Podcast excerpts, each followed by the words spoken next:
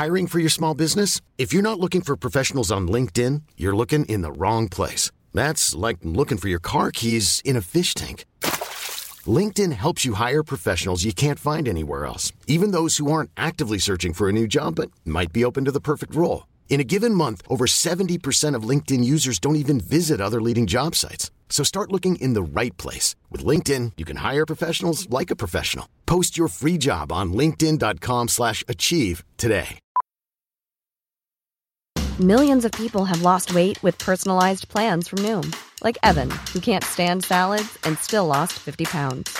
Salads generally for most people are the easy button, right?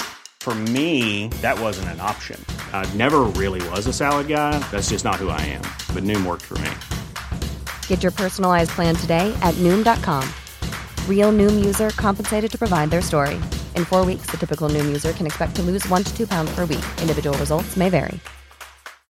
Millions of people have lost weight with personalized plans from Noom. Like Evan, who can't stand salads and still lost 50 pounds.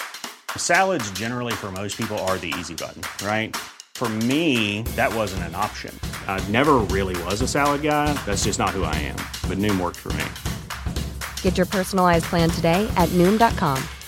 Real Noom user compensated to provide their story. In four weeks, the typical Noom user can expect to lose one to two pounds per week. Individual results may vary.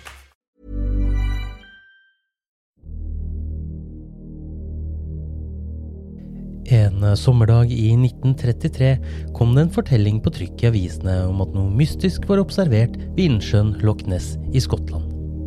Dette førte til en rekke observasjoner av sjøormen Nessie, hvorav noen virket troverdige, noen er blitt avslørt som rene bløffer, og noen få historier står fortsatt ubesvart om hvorvidt de er ekte eller ikke.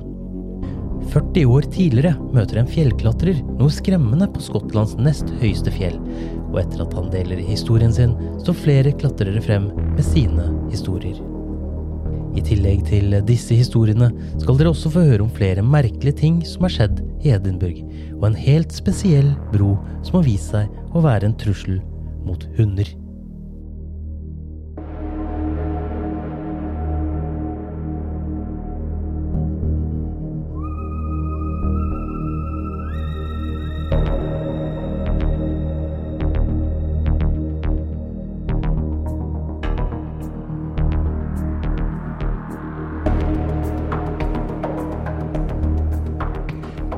Jeg heter Morten, og velkommen til denne episoden av Uløste mysterier.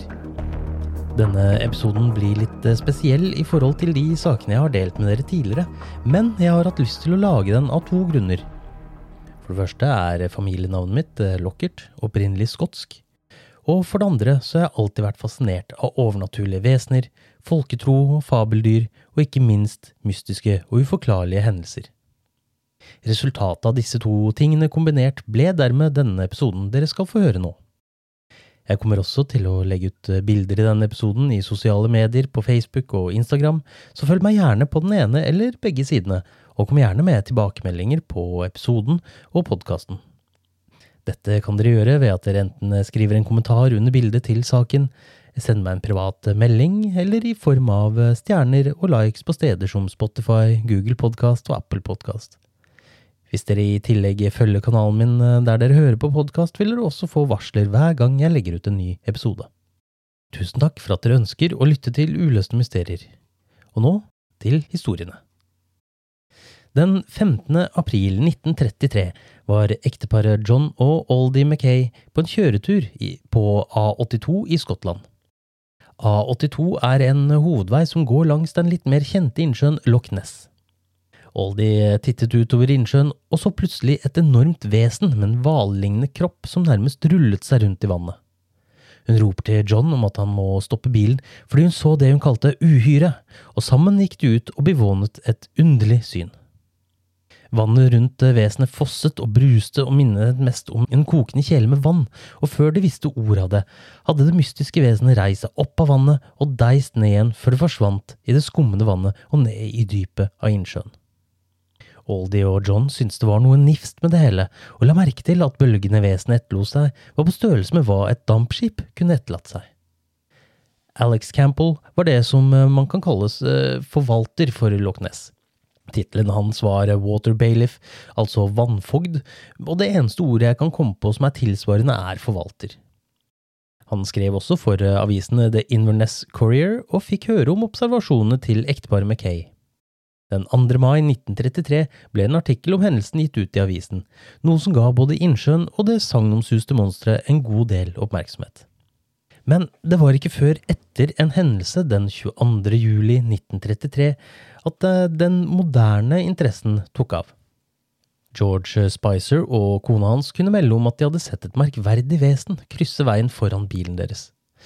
De fortalte at dyret hadde en stor kropp og var ca. halvannen meter høy og åtte meter langt, eh, hadde en lang, bølgete og smal hals som var litt tykkere enn snabelen til en elefant, på og på var omtrent 3,4 eh, meter. Totalt var den altså 10–12 meter lang. De så på at dyret krøp over veien mot innsjøen, ned over busker og trær, for så å forsvinne ut i vannet. De var også begge sikre på at eh, den hadde et dyr i munnen. De klarte ikke å se at beistet hadde hale eller bein som det gikk på, men de syntes den bevegde seg som om den hadde luffer, som en sel eller noe lignende. 4. august ble historien om Spicers opplevelse sluppet, og med tittelen Loch Ness-monsteret fikk saken en enorm oppmerksomhet, og i tiden fremover meldte flere seg med påstander om at de hadde observert et sjøhyre i innsjøen. Men hva gjorde Loch Ness til en plass hvor et slags monster hadde hjemmet sitt i folketroen i Skottland? For å forklare det, så må vi helt tilbake til år 697 og tekstene Sankt Columbas liv, skrevet av Adonan, en abbed på øya Iona på Skottlands vestkyst. Han skrev nemlig at i 565 var den irske munken Sankt Columba og kompanjongene hans på ferd gjennom Skottland for å spre det kristne budskapet blant piktene. De møtte noen lokale beboere som brente restene av en mann ved elven Ness, og ble forklart at mannen hadde svømt i elven da han ble angrepet av et uhyre fra vannet. Det hadde lemlestet han og dratt han under vannet til tross for at mennene hadde prøvd å redde han ved å dra han opp i en båt. Columba visste råd og fikk en av kompanjongene sine til å legge på svøm over elven, og som forventet begynte udyret å nærme seg åtet Columba hadde mer eller mindre kastet ut i vannet, altså svømmeren. Klubba gjorde korsets tegn og sa ikke kom nærmere, ikke rør mannen, kom deg vekk nå. Vitnene kunne fortelle at beistet hadde stoppet opp omtrent som om det hadde bytt på en friskekrok og ble sveivet inn, og ifølge vitnene så forsvant udyret etter dette, og piktene var sikre på at de hadde vært vitne til et mirakel. Det er viktig å huske på at Adomnan skrev ned denne historien omtrent 100 år etter uh, hendelsen fant sted, og selv om uh, man kan se på dette som et bevis på at det fantes et udyr i området allerede på midten av 500-tallet, var det forholdsvis normalt med slike historier i middelalderen. Med slike historier så mener jeg det som kalles hagiografier, altså nedskrivinger om hellige hendelser som for eksempel mirakler helgener gjorde. Utrolig mange av disse historiene som ble skrevet ned rundt om i Europa, handlet nettopp om beist fra vannet. Man kan tenkes at Adomnans Adonans eh, helgenfortelling ble hektet fast ved en lokal historie. Det kan ha vært, i, eh, vært, at folk i området fortalte historien om mannen som ble lemlestet av et udyr i vannet som en advarsel mot å svømme for langt ut i innsjøen eller lignende. Mange av oss har sikkert blitt fortalt historien om storgjedda som lurer i sivet og har klart å bite deg så fort man putter tåa i vannet. I tillegg må vi huske på at St. Columba var irsk, og i irsk folketro var sjøormer og monstre i elver og innsjøer forholdsvis normalt. Disse ble kalt eh, oleofeist, og en av de mest berømte var Quaranash, som i tillegg til å være en eh, sjøorm, også var mor til demoner. Ifølge legenden var en irsk helt fra sen jernalder eller tidlig middelalder Finn McCool uh, og hans bande med krigere og jegere på, vei, på jakt etter en hag. Kort fortalt er en hage en mystisk figur i form av en, eh, gammel, en vissent gammel kvinne, eller en fe eller en gudinne som har tatt et slikt utseende, og som har ondsinnede hensikter. Omtrent som en trollkjerring fra norsk folketro. Uansett, de klarte å drepe henne, men ble advart mot å brekke lårbeinet hennes, da det ville frigjøre et forferdelig monster. Av en eller annen grunn så klarte en mann ved navn Konan i jaktlaget å brekke lårbeinet på trollkjerringa, og ut krøyp det en liten, hårete orm. Denne ormen ble raskt monsteret de kalte Quaranash, og satte til livs det meste av kyr som den kom over i Ulster-området. De lokale blei forståelig nok forbanna på både Sjøorm og Konan, siden de omtrent ikke hadde ei ku tilbake, og dette gjorde Konan så rasende at han bevæpnet seg med et sverd, oppsøkte monsteret, gikk rett inn i kjeften på den og drepte det. Eh, etter hvert som Irland ble kristnet, måtte de ha en ny helt som tok hånd om ormen, og det ble St. Patrick himself. Han eh, kom til området, ble fortalt om at eh, sjøormen eksisterte, dro dit, dro dit ormen visstnok befant seg, begynte så å krangle med sjøormen helt til han gikk lei, og så drepte den. I en annen versjon så klarte ikke St. Patrick å drepe sjøormen som lever i beste velgående i innsjøen den dag i dag. Adonnan var kanskje ute etter å beskrive St. Columba som en tilsvarende helgen som selveste St. Patrick, om en noe mer fredelig. Men det er nok like sannsynlig at han valgte en type historie som ikke var uvanlig å benytte seg av i middelalderen. Uansett var historien om Sankt Columba et tydelig bevis på at det eksisterte et eller annet beist i Loch Ness, iallfall for fortellerne av folkloren i området. Loch Ness-monsteret ble sett ved flere tilfeller mellom 565 og 1933. I 1871 så en som het McKenzie av Balnine, eh, noe som minnet han eh, om en trestokk eller en kantret båt som vrei seg og skummet i vannet, og som først beveget seg sakte før den satte opp farten og forsvant. McKenzie fortalte riktignok ikke denne historien før i 1934, eh, først etter at artiklene om ekteparet Mackay og Spicer hadde stått på trykk. I 1888 kom Alexander MacDonald over et stort dyr med stutte bein som kravlet ut av innsjøen og opp i vannkanten bare 25 meter fra der han sto. Han rapporterte dette til Alex Campbell, som skrev om Mackays beretninger i 1933 og beskrev dyret som en stor salamander. I 1934 holdt eh, Arthur Grant på å kjøre på et vesen som han eh, mens han var ute og kjørte med motorsykkelen sin midt på natten. Ifølge Grant hadde dyret et lite hode og en lang hals, på en forholdsvis stor kropp. Da dyret oppdaget Grant, snudde det og stakk tilbake til innsjøen, hvor det forsvant under overflaten. Grant, som var veterinærstudent på den tiden, beskrev dyret som en blanding av en stor sel og den forhistoriske plesiosaurusen. Plesiosaurusen er bedre kjent som svaneøgle, som levde i havet i den tidlige delen av juraperioden. Det som kjennetegnet den, var dens lille hode på en lang, slank hals og en bred kropp, en kort hale og to par lange luffer. De kjente eksemplarene som er eh, funnet, viser at den ble rundt eh, tre til fire meter lang og levde for omtrent 200 millioner år siden. Men eh, Grants observasjoner har blitt gått gjennom av zoologer og paleontologer som er enig i sin konklusjon ut fra sketsjene Grant ga dem og beskrivelsene av oppførselen til dyret. De mener han enten så en oter eller en eh, sel, men ble forvirret av de dårlige lysforholdene som var i området den natten. Arthur Grant er ikke den eneste som har vært sikre på at udyret er det som ble sett, men eh, hvor forklaringene høyst sannsynlig er noe annet. Hugh Gray klarte i 1933 å ta, ta et bilde av eh, det nå berømte Loch Ness-monsteret. Bildet var selvsagt uklart, og det ble fort mistenkt at bildet var av hunden hans som badet i sjøen mens den hentet en pinne. Andre er sikre på at det var en oter eller svane, og til tross for at negativene aldri er funnet, kom Maurice Burton over to deler av en lyslykt som hadde vært eh, i kontakt med de originale negativene. Da dette ble prosjektert på en skjerm, viste det seg at det var en oter som rullet seg i overflaten av vannet. Men det er ikke det eneste bildet som ble tatt av eh, det såkalte sjømonsteret, bedre kjent som Nessie, kjærlig oppkalt etter innsjøen hun visstnok lever i. I 1934 var en gynekolog fra London, Robert Kenneth Wilson, ved Loch Ness og tittet utover innsjøen da han plutselig la merke til monsteret. Han eh, tok kameraet sitt og knipset fire bilder, hvorav kun to ble av grei kvalitet. Det første bildet er det mest berømte, og viste et lite hode og en hals som tittet opp av vannet med noe av det som eh, ser ut som en rygg. Det andre var eh, noe mer uklart og viste samme hode og hals på vei ned til å dykke. Wilson ønsket ikke publisitet rundt bildet, og det ble kun kalt kirurgens bilde. I 60 år ble bildet ansett som et bevis på at Nessie faktisk eksisterte, men ble de årene grundig gjennomgått.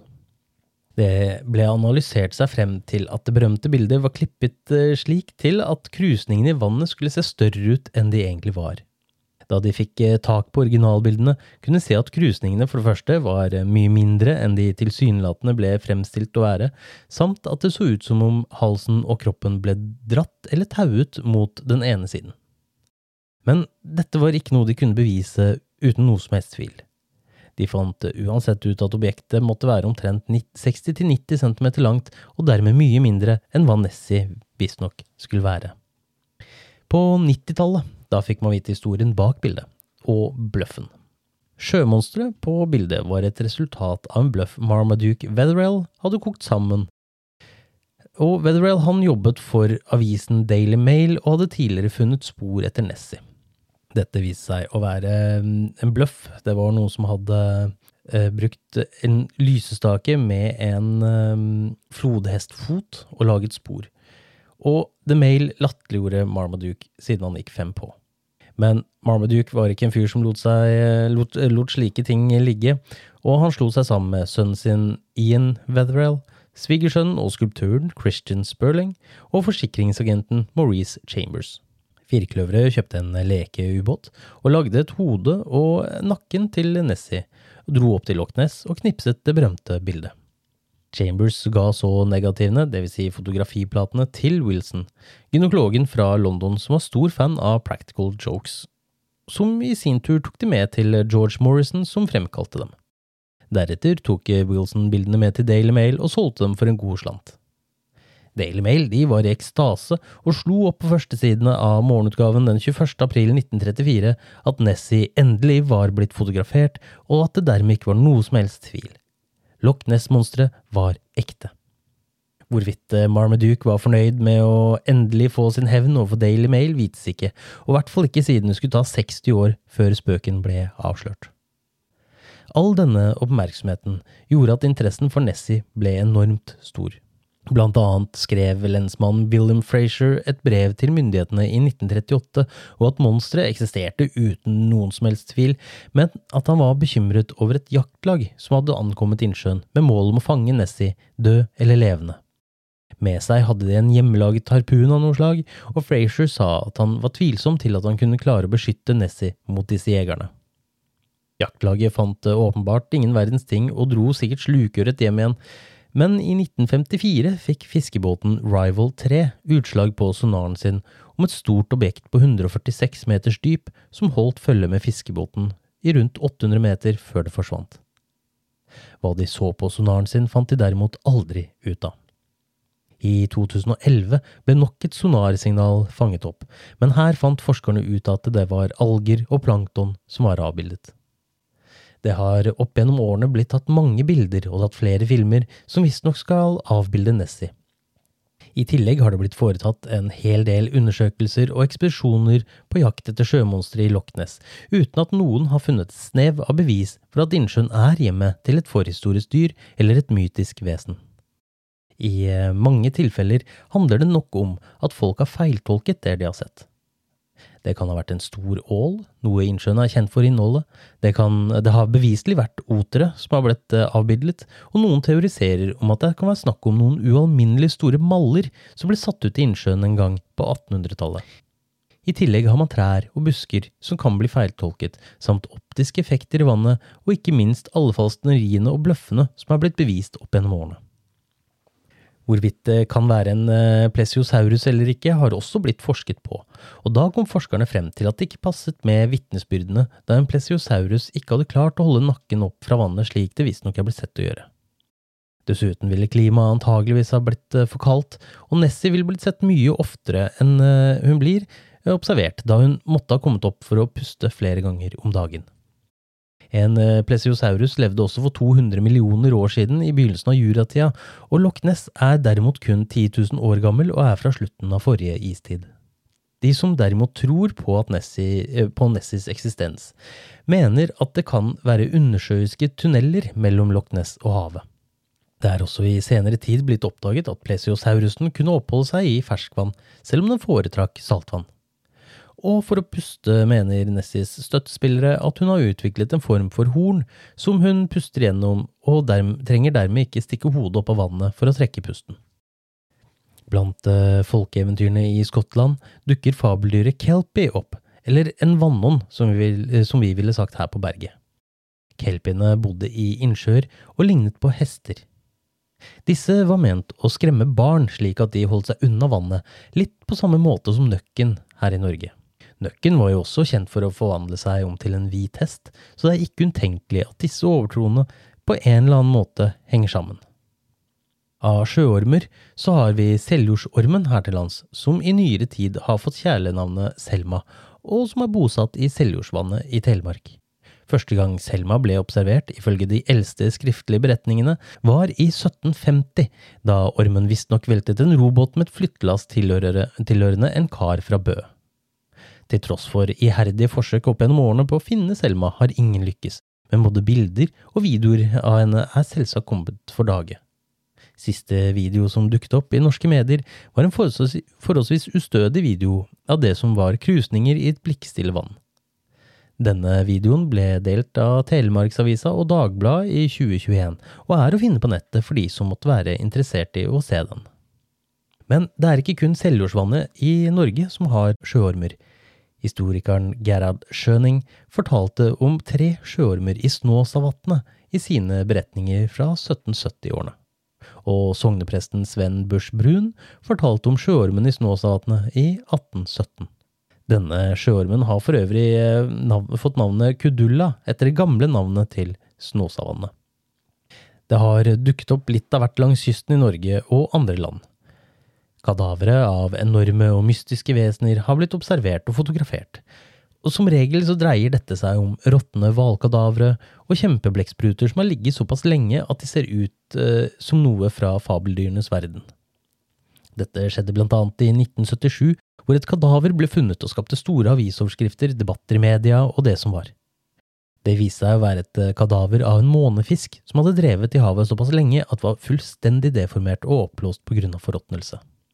Hva enn som befinner seg i Loch Ness, Seljordsvannet og Snåsavannet, hvorvidt det er forhistoriske dyr, mystiske vesener, unormalt store åler og maller, eller om det hele beror seg på folketro og folkeeventyr, blir opp til enhver selv å avgjøre.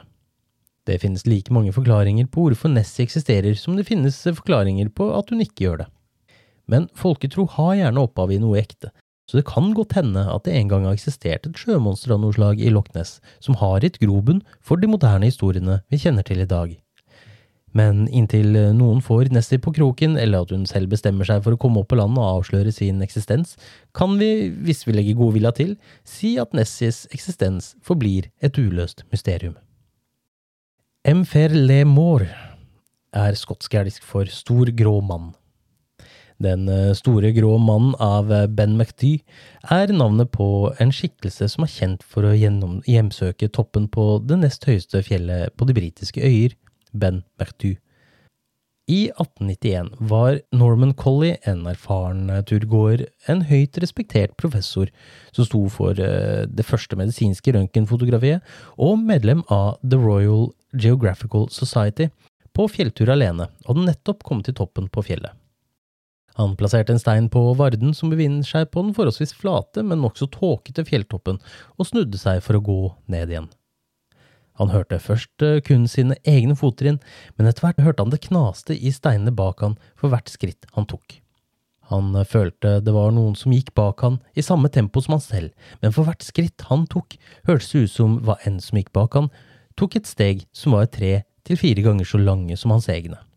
Han snudde seg og tittet inn i tåkehavet uten å se noe, smålo litt nervøst for seg selv og sa til seg selv at dette bare var noe tull. Ikke før han hadde sagt ordene, hørte han lyden igjen, men kunne fremdeles ikke se noe gjennom tåkehavet. Han eh, fortsatte å gå bort fra toppen, og etter bare noen skritt kunne han høre knaslydene rett bak seg. Det var nå hårene reiste seg i nakken hans, magefølelsen nærmest ropte kom deg vekk herfra nå, og skrekken man får når alt i kroppen din går i høygir og advarer deg mot fare, traff han. Han satte opp tempo og klarte å finne veien ned til tross for tett tåke, ned til en skog på nedsiden av fjellet. Collie var skråsikker på at det var noe på toppen av fjellet som ville, ville han vondt, og nektet å gå opp dit noensinne igjen. Norman Collie var en veldig erfaren fjellklatrer. Han var den første på flere fjelltopper i Europa. Han var med på det første forsøket på å nå eh, toppen til Nanga Parbat i Himalaya, og han hadde hele 21 toppturer i det canadiske Rockies. I tillegg har han eh, to fjelltopper oppkalt etter seg. Man kan nok eh, tro at hans ord bar en god del vekt, og da han skulle holde, tale, holde en tale i Aberdeen i 1925, var det nok mange som luttet ører. Historien hans ble delt i lokalavisene, og snart meldte flere fjellklatrere seg og delte sine egne opplevelser om, eh, som de hadde hatt på fjelltopp, men som de ikke hadde turt å dele i frykt for å bli latterliggjort. En klatrer ved navn Hugh Welsh fortalte at han og broren hans hadde opplevd noe av det samme i 1904, hvor de hadde hørt samme type lyder rundt seg gjennom dagen og natten. Begge ble veldig oppmerksomme og angstfylte av denne opplevelsen. I 1945 kunne en redningsarbeider fortelle om sin gufne opplevelse på fjellet. Peter Densham hadde hørt underlige lyder og en tåke som pakket seg inn i området han befant seg. Han følte et slags press mot halsen, før han forlot området raskt uten å kunne se hva som hadde lagd lydene eller påført presset mot halsen hans. Vennen hans, eh, Richard Freer, hadde opplevd noe av det samme noen år senere, i 1948, og beskrev det som en slags skikkelse fullstendig abstrakt, men intenst virkelig, hørte en intens og høy lyd. Hans venn igjen hadde fortalt Freer at han hadde opplevd noe, han ikke, noe da han campet på fjellet, han våknet av en følelse av ren frykt som eh, han ikke klarte å bli kvitt. Han tittet ut av teltet sitt og så silhuetten av en stor figur av et menneske med mørkt hår stå foran månen. De som har opplevd et møte med den grå mannen, forteller at det som regel er det psykiske man føler på. Det er ikke så mange som har eh, sett han fysisk, men de som har sett han, beskriver han som hårete, enorm, tre meter høy, lange ben og nærmest klør på føttene og spisse ører. Han høres eh, forholdsvis avskyelig ut foreløpig, særlig når eh, den også beskrives å ha store føtter. Man tenker yeti, Bigfoot og den avskyelige snømannen med en gang, men det er også de vitnene som mener at beistet på fjelltoppen har en flosshatt på hodet, og at de hører sang og nærmest spøkelsesaktig latter. Det er fremdeles de psykiske følelsene vesenet fremkaller, som er de skumleste. Klatrere blir grepet av en ukontrollerbar og uforståelig frykt, en dyp eh, fortvilelse og en virkelig negativ energi. Mange føler et behov for å løpe av gårde. Noen mener eh, de blir forfulgt av lydene av fottrinn i steinene, og andre føler seg nærmest hypnotisert til å regelrett spasere rett ut fra fjellsiden. Kan det være en mystisk rase av Bigfoot-vesener som lever på fjelltopper rundt omkring i verden, og at dette er en av dem? Er det en mystisk hellig mann som har klart å forlenge livet sitt med meditasjon og den slags på fjelltoppen, litt som en vis mann på fjellet? Andre har også en formening om at eh, den grå mannen er en slags vokter av en port mellom to verdener. Men hvis vi skal holde oss litt nærmere landjorda, så er det mer sannsynlig at den grå mannen er et produkt av menneskets egen syke, syke optiske illusjoner og muligens hallusinasjoner skapt av oksygenmangel og utmattelse. Det er ikke bare på Ben McDu i Skottland den grå mannen i tåken er blitt observert. I fjellkjeden Schwarzwald i Tyskland har flere fjellklatrere og turgåere blitt vettskremte av grå menn som forfølger dem i tett tåke og lyden av fottrinn bak seg. Dette har faktisk også blitt forsket på, og det viste seg at i tyskernes tilfelle var det et resultat av menneskets egen fantasi, syke og frykt. Man ble rett og slett skremt av sin egen skygge, kan man si. Kan vi trygt konkludere med at Mferelatmor er et produkt av forhold lagt til rette for at man ser og hører det man tror er noe overnaturlig? Er den grå mannen kun et produkt av ens egen syke? Vel, en fjellklatrer spurte en gang lokale viltvoktere og jegere om hva de tenkte. Hadde de sett den grå mannen? Eksisterte han, eller var det bare en tullete historie? De så på fjellklatreren i noen sekunder før de sa vi snakker ikke om det. Jeg er alltid av den oppfattelsen at dersom man skal på en strabasiøs tur et sted, som for eksempel fjellklatring, så snakk med lokalbefolkningen først. De vet som regel best om forholdene i området. Og om den grå mannen er et produkt av menneskets syke, så fremstår det iallfall som veldig reelt og et ekte vesen for de som kommer ut for han. Vi beveger oss eh, videre, og denne gangen skal vi til favorittbyen min i Skottland, Edinburgh. Denne byen har så utrolig mye spennende historie å by på, og også en del uløste mysterier. Jeg skal gå gjennom et par av dem nå. I 1836 var en gjeng med ungdommer ute og jaktet etter kaniner. De kom over en skjult hule nærme Arthurs Seat rett utenfor byen, og så at det var noe gjemt inni den. De bevegde seg inn og fant 17 miniatyrkister som var stablet oppå hverandre og dekket med skifer. De åpnet kistene og fant små trefigurer inni med egne håndlagde klær. Guttene tok, seg, tok, de med seg og viste de frem, men ingen tok noe som helst eierskap over dem, og man fant aldri ut hvem som hadde laget dem eller plassert dem der, og ikke minst hvorfor. Kistene ble døpt eh, fekistene, og ryktene begynte å svirre ganske kjapt. Noen mente at disse eh, ble brukt til heksekunst, og andre mente at eh, det her dette måtte være koblet til det som var kjent som Burke and Hare-mordene. William Burke og William Hare tjente penger til livets opphold ved å selge lik til Robert Knox, som brukte disse til dissekering i anatomiundervisningen. I 1828 var Edinburgh ledende innen anatomiske studier i Europa, og mye av de, det de hakka ut av likene kan ses på Surgeons Hall i byen uh, den dag i dag. Jeg har vært der, og det er vel verdt å besøke hvis uh, dere først befinner dere i Edinburgh. Det var ikke uvanlig at anatomilærere, leger og forskere kjøpte lik via svartebørsen for, for kadavere, og det var en svartebørs for kadavere. Det var lov å kjøpe likene til mennesker som har dødd i fengsel, folk som gikk selvmord, eller likene til hittebarn og foreldreløse. Men siden Edinburgh opplevde en anatomiboom på 1800-tallet, begynte tilførselen av såkalte lovlige lik å stoppe opp. Dermed var gode råd dyre, så noe også ferske kadavere viste seg å være. Burke hadde jobbet som en gateselger, eller hawker som det ble kalt den gang, før han byttet yrke til skomaker, hvor han tjente opptil ett pund i uka. Hare hadde mer strøjobber som innhøstinger og som assistenten til eh, kullmannen, altså han du kjøpte kullet ditt av, og han og kona drakk også ganske hardt, så man kan vel tro at det ikke var rare inntekten de hadde. Burke og Hare fant iallfall ut at det å selge kadavere kunne gjøre at de tjente oppimot åtte pund på sommerhalvåret og nærmere ti pund på vinterhalvåret, per kadaver. For disse mennene var dette svimlende summer, og sammen klekka de ut planer hvor de stjal lik fra kister og fylte kister med en slags skrot de kunne finne, før de dro kadaveret med seg til universitetet i Edinburgh og solgte det til professorer som trengte disse til undervisning. Knox, som kjøpte det første liket de kom med, stilte ingen spørsmål, og sa til og med at han ville bli glad for å se dem igjen hvis det skulle komme over et, et lik til de trengte å bli kvitt. Jeg kan eh, se for meg at Burke og Hare så på hverandre mens de får symboler av pund i øynene og samme idé i de korttenkte hodene deres samtidig. Mennene begynner på en drapsorgie for å få tak i lik. Deres modus operandi, altså metoden de brukte for å drepe, var i grunnen geniale til deres tid å være. En av dem tok en pute og la over ansiktet til offeret, mens den andre la seg over kroppen for å holde offeret i ro. Ofrene fikk ikke laget en lyd, og kom seg heller ikke unna, og legene oppdaget ikke at eh, det var et drapsoffer de dissekerte.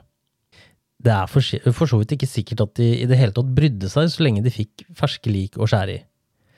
Knox hadde til og med ved flere anledninger påpekt at liket var så ferskt at det fremdeles var varme i det, men valgte å ikke stille flere, noen flere spørsmål, punget ut de skitne pundene til de enda, enda metaforisk skitnere mennene, og drapsorgiene fortsatte. Men eh, drapene tok etter hvert slutt da politiet kom på sporet av dem etter at to beboere som bodde på samme sted som Burke og deres siste offer, anga dem. Politiet arresterte Burke og Hare og avhørte de, og morgenen etter gikk de inn i dissekeringsrommet til Knox og fant liket til deres siste offer. James Gray, en av de to beboerne, kunne bekrefte at han hadde sett denne kvinnen sammen med Burke og Hare dagen før, og med de blodige klærne politiet fant under sengen til Burke, var politiet sikre i sin sak. Totalt hadde duoen drept 16 mennesker, som de så leverte til Knox mot betaling. Hare inngikk en avtale med påtalemyndighetene og ble dømt til fengsel mot at han innrømmet Ruberbeat og anga Burke, og Burke ble dømt til døden ved henging, og dommeren sa ved domsavsigelsen at kroppen hans burde bli dissekert i all offentlighet, og dersom det skulle bli vanlig å bevare skjeletter, så burde hans bli bevart, slik at det kunne stå som en påminnelse om hans grusomme forbrytelser. Knox ble ikke tiltalt for noe som helst, men han fikk en ganske så grov skramme i lakken av folkeopinionen. 28.1.1829 ble Burke hengt, og noen dager senere ble kroppen hans dissekert til offentlig skue på universitetet. Under prosedyren som ble gjennomført av professor Monroe, en kjent anatomiprofessor på den tiden, tok han en fjærpenn, dyppet den i blodet til Burke og skrev på et papir. Dette er skrevet med blodet til William Burke, som ble hengt i Edinburgh. Dette blodet ble tatt fra hodet hans. Skjelettet hans ble bevart og kan ses på Det anatomiske museet på Edinburgh medisinske skole. Dødsmasken hans og en bok og en visittkortholder som visstnok skal være innbundet med garvet hud fra Burke, kan ses på Surgeons Hall, som jeg nevnte tidligere. En solid historie, og noe vekk fra fekistene, men spørsmålet reiser seg. Kunne disse trefigurene være symboler på de 16 ofrene til Burke og Hare, samt Burke selv?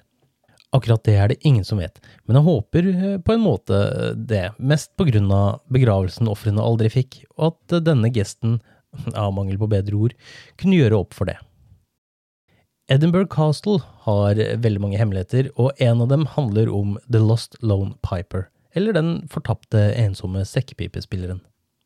Slottet ble visstnok eh, eh, begynt bygget i 989, og før det hadde det bodd mennesker på plassen siden sen bronsealder eller tidlig jernalder, altså fra omtrent 1200 før moderne tidsregning.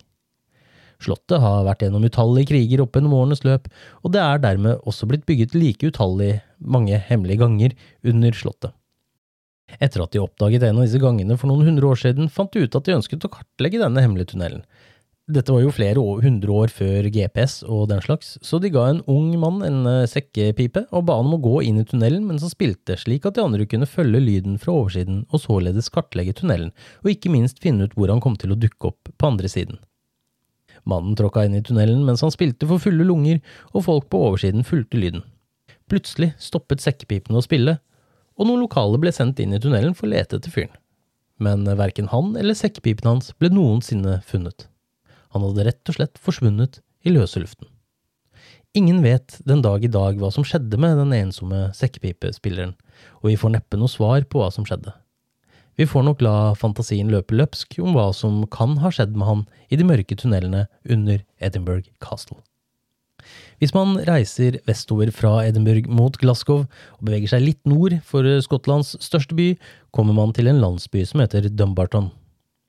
Rett i nærheten av denne landsbyen finner man en bru som heter Overtoon Bridge. Bruen ble bygget av ingeniøren Henry Miller og sto ferdig i juni i 1895. Den går over et dypt dalsøkke hvor elven Overturned Bourne eh, renner og er ca. 15 meter høy. Men hva er så spesielt med denne broen? Vel, et av kallenavnene til broen er Bridge of Death, altså Dødsbroen, og Dog Suicide Bridge. Dette høres jo veldig spesielt ut, og det er det faktisk også.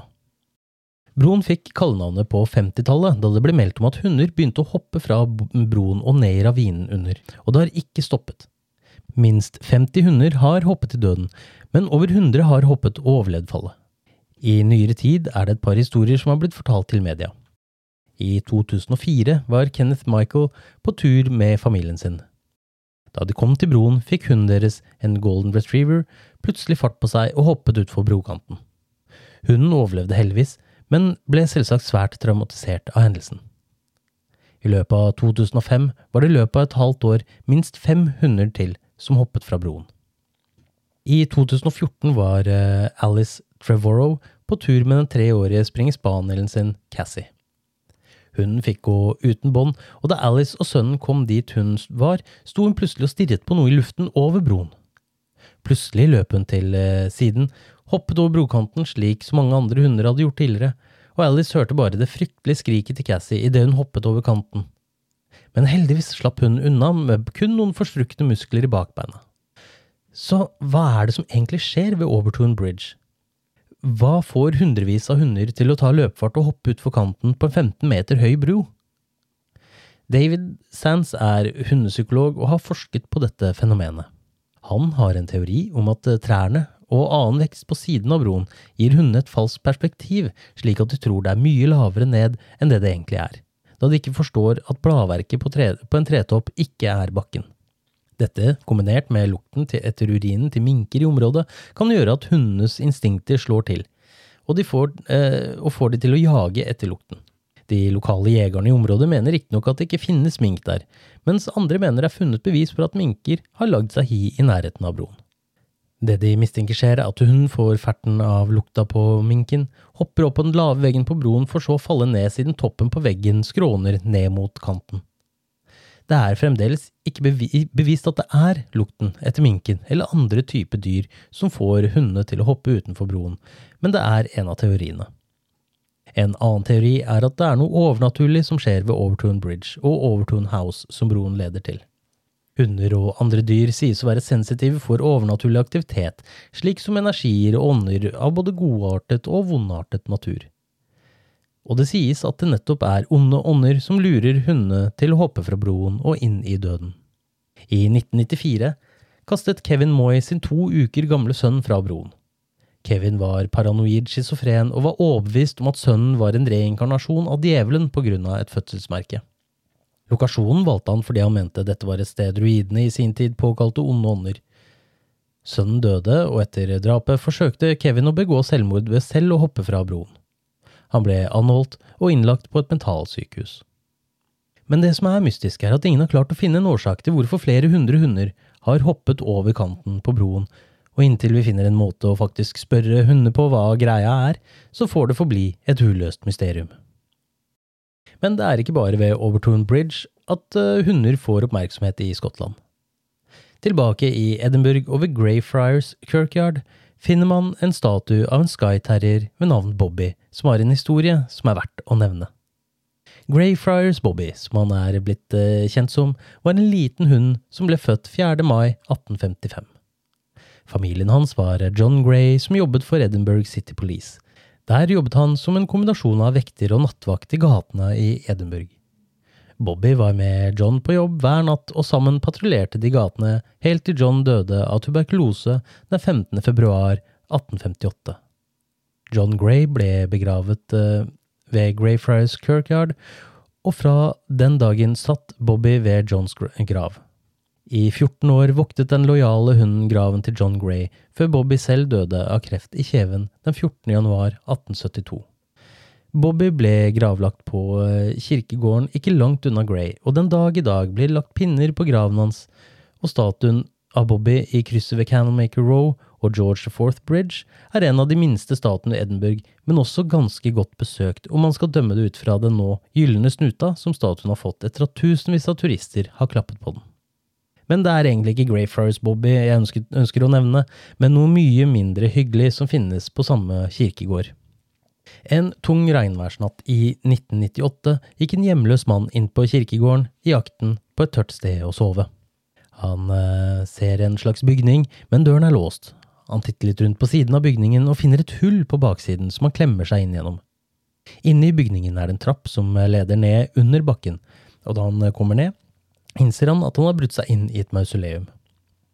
Det er mørkt, men han klarer å se flere kister i rommet, og han tenker med et at her kan det kanskje være noen verdisaker. Før han får brutt opp en eneste kiste, tråkker han gjennom gulvet og faller ned i et hullrom under. I dette kammeret som han nå befinner seg, er det fullt av gamle knokler i hodeskaller og alt som følger med. Han eh, klarer på en eller annen måte å kravle ut av gropa, og flykter vettskremt ut av mausoleumet og ut i natten. Men ifølge historien var det ikke kun den hjemløse mannen som forlot mausoleumet den natten. Visstnok åpnet han også døren for en av de mest ondsinnede poltergeistene i Edinburgh, McKenzie-poltergeistet. Først og fremst, hva er et poltergeist?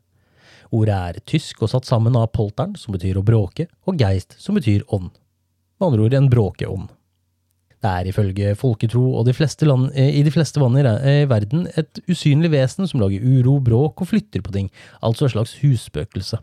Som regel er en poltergeist knyttet til et hus eller en gjenstand, men i McKenzies tilfelle er dette visstnok et av de sjeldne utendørsfenomenene. Men hvem var McKenzie som har eh, funnet ut at han skal hjemsøke en kirkegård i Edinburgh? Kort fortalt var George McKenzie en dommer og advokat på 1600-tallet. Han skapte et navn for seg selv da han først støttet den ene parten som dommer og advokat i eh, en av de flere borgerkrigene som har vært i England og Skottland, for så å støtte den andre parten hvor han utviste en vanvittig brutalitet og fikk fengslet 1200 krigsfanger i Greyfriars Kirkyard. Han endte riktignok opp med å støtte den tapende parten i krigen, og endte opp med å måtte flykte til England, hvor han døde i 1691. Kroppen hans ble fraktet tilbake til Skottland og plassert i et mausoleum rett ved der han hadde fengslet fiendene sine noen år tidligere. Flere har i ettertid meldt om merkelige lyder fra både George Mackenzies kiste og mausoleumet, men det var først etter 1998 at merkelige ting begynte å skje. Turister har fortalt at de plutselig får blåmerker, klormerker, blir dytta, blir lugget eller føler at noen tar tak i dem mens de besøker kirkegården. Noen har også fortalt at en ond skikkelse har blitt med dem hjem og skapt masse trøbbel i ettertid i hjemmet deres. Og det har i tillegg vært et tilfelle hvor en kvinne har blitt funnet bevisstløs med kvelemerker på halsen. Døde dyr har dukket opp rundt mausoleet uten at det er noen åpenbare årsaker hvorfor de døde. Folk har observert gråhvite figurer og hørt bankelyder fra under bakken. Nå skal det sies at flere av disse hendelsene har forekommet under såkalte ghost tours, som foregår på forskjellige plasser i byen på kveldstid. Selv om man kan begynne å lure på hvorvidt det er noe i poltergeist-teorien, siden så mange begynte å melde om hendelsen, også før disse rundturene begynte, er det viktig å huske på det jeg nevnte tidligere, nemlig menneskets syke. Det er ikke bevist at poltergeist, spøkelser, onde eller gode ånder eller andre overnaturlige ting finnes, men det som er bevist, er at når vi mennesker blir for eksempel opprømte, skremte, angstfylte eller glade, så utskiller vi fermoner. Disse fermonene bidrar til å spre tilstanden man, eh, man er i, eksempel på en rundtur hvor disse historiene blir fortalt, kan fermonene spre seg som ild i tørt gress. Massehysteri er et eksempel på denne effekten, som selvsagt kan bli forsterket av hva vi også selv oppfatter som farer. Er McKenzies poltergeist, spøkelset som mer eller mindre hjemsøker sin egen bolig, altså mausoleumet og kirkegården, ekte, eller er det et resultat av en form for massehysteri? Det hadde vært fantastisk å si at dette også er et uløst mysterium, men forklaringene på, for at dette er noe helt naturlig og menneskelig, føler jeg er litt for solide til at jeg kan påstå det ene eller det andre. Én ting er iallfall helt sikkert. Folketro er noe som står sterkt i de aller fleste kulturer og land rundt om i verden. Og som jeg har fortalt, går mange av de samme historiene igjen. Mange stammer fra middelalderen, da de eh, først ble skrevet ned, mens andre er av mer moderne natur. Dette ble en litt eh, annerledes eh, podkastepisode enn hva jeg vanligvis forteller, men jeg håper dere har satt pris på den. Fortell meg gjerne hva dere syns om episoden i sosiale medier, enten på privat melding eller under bildet til episoden. Som alltid, takk for at dere har lyttet. Vi høres.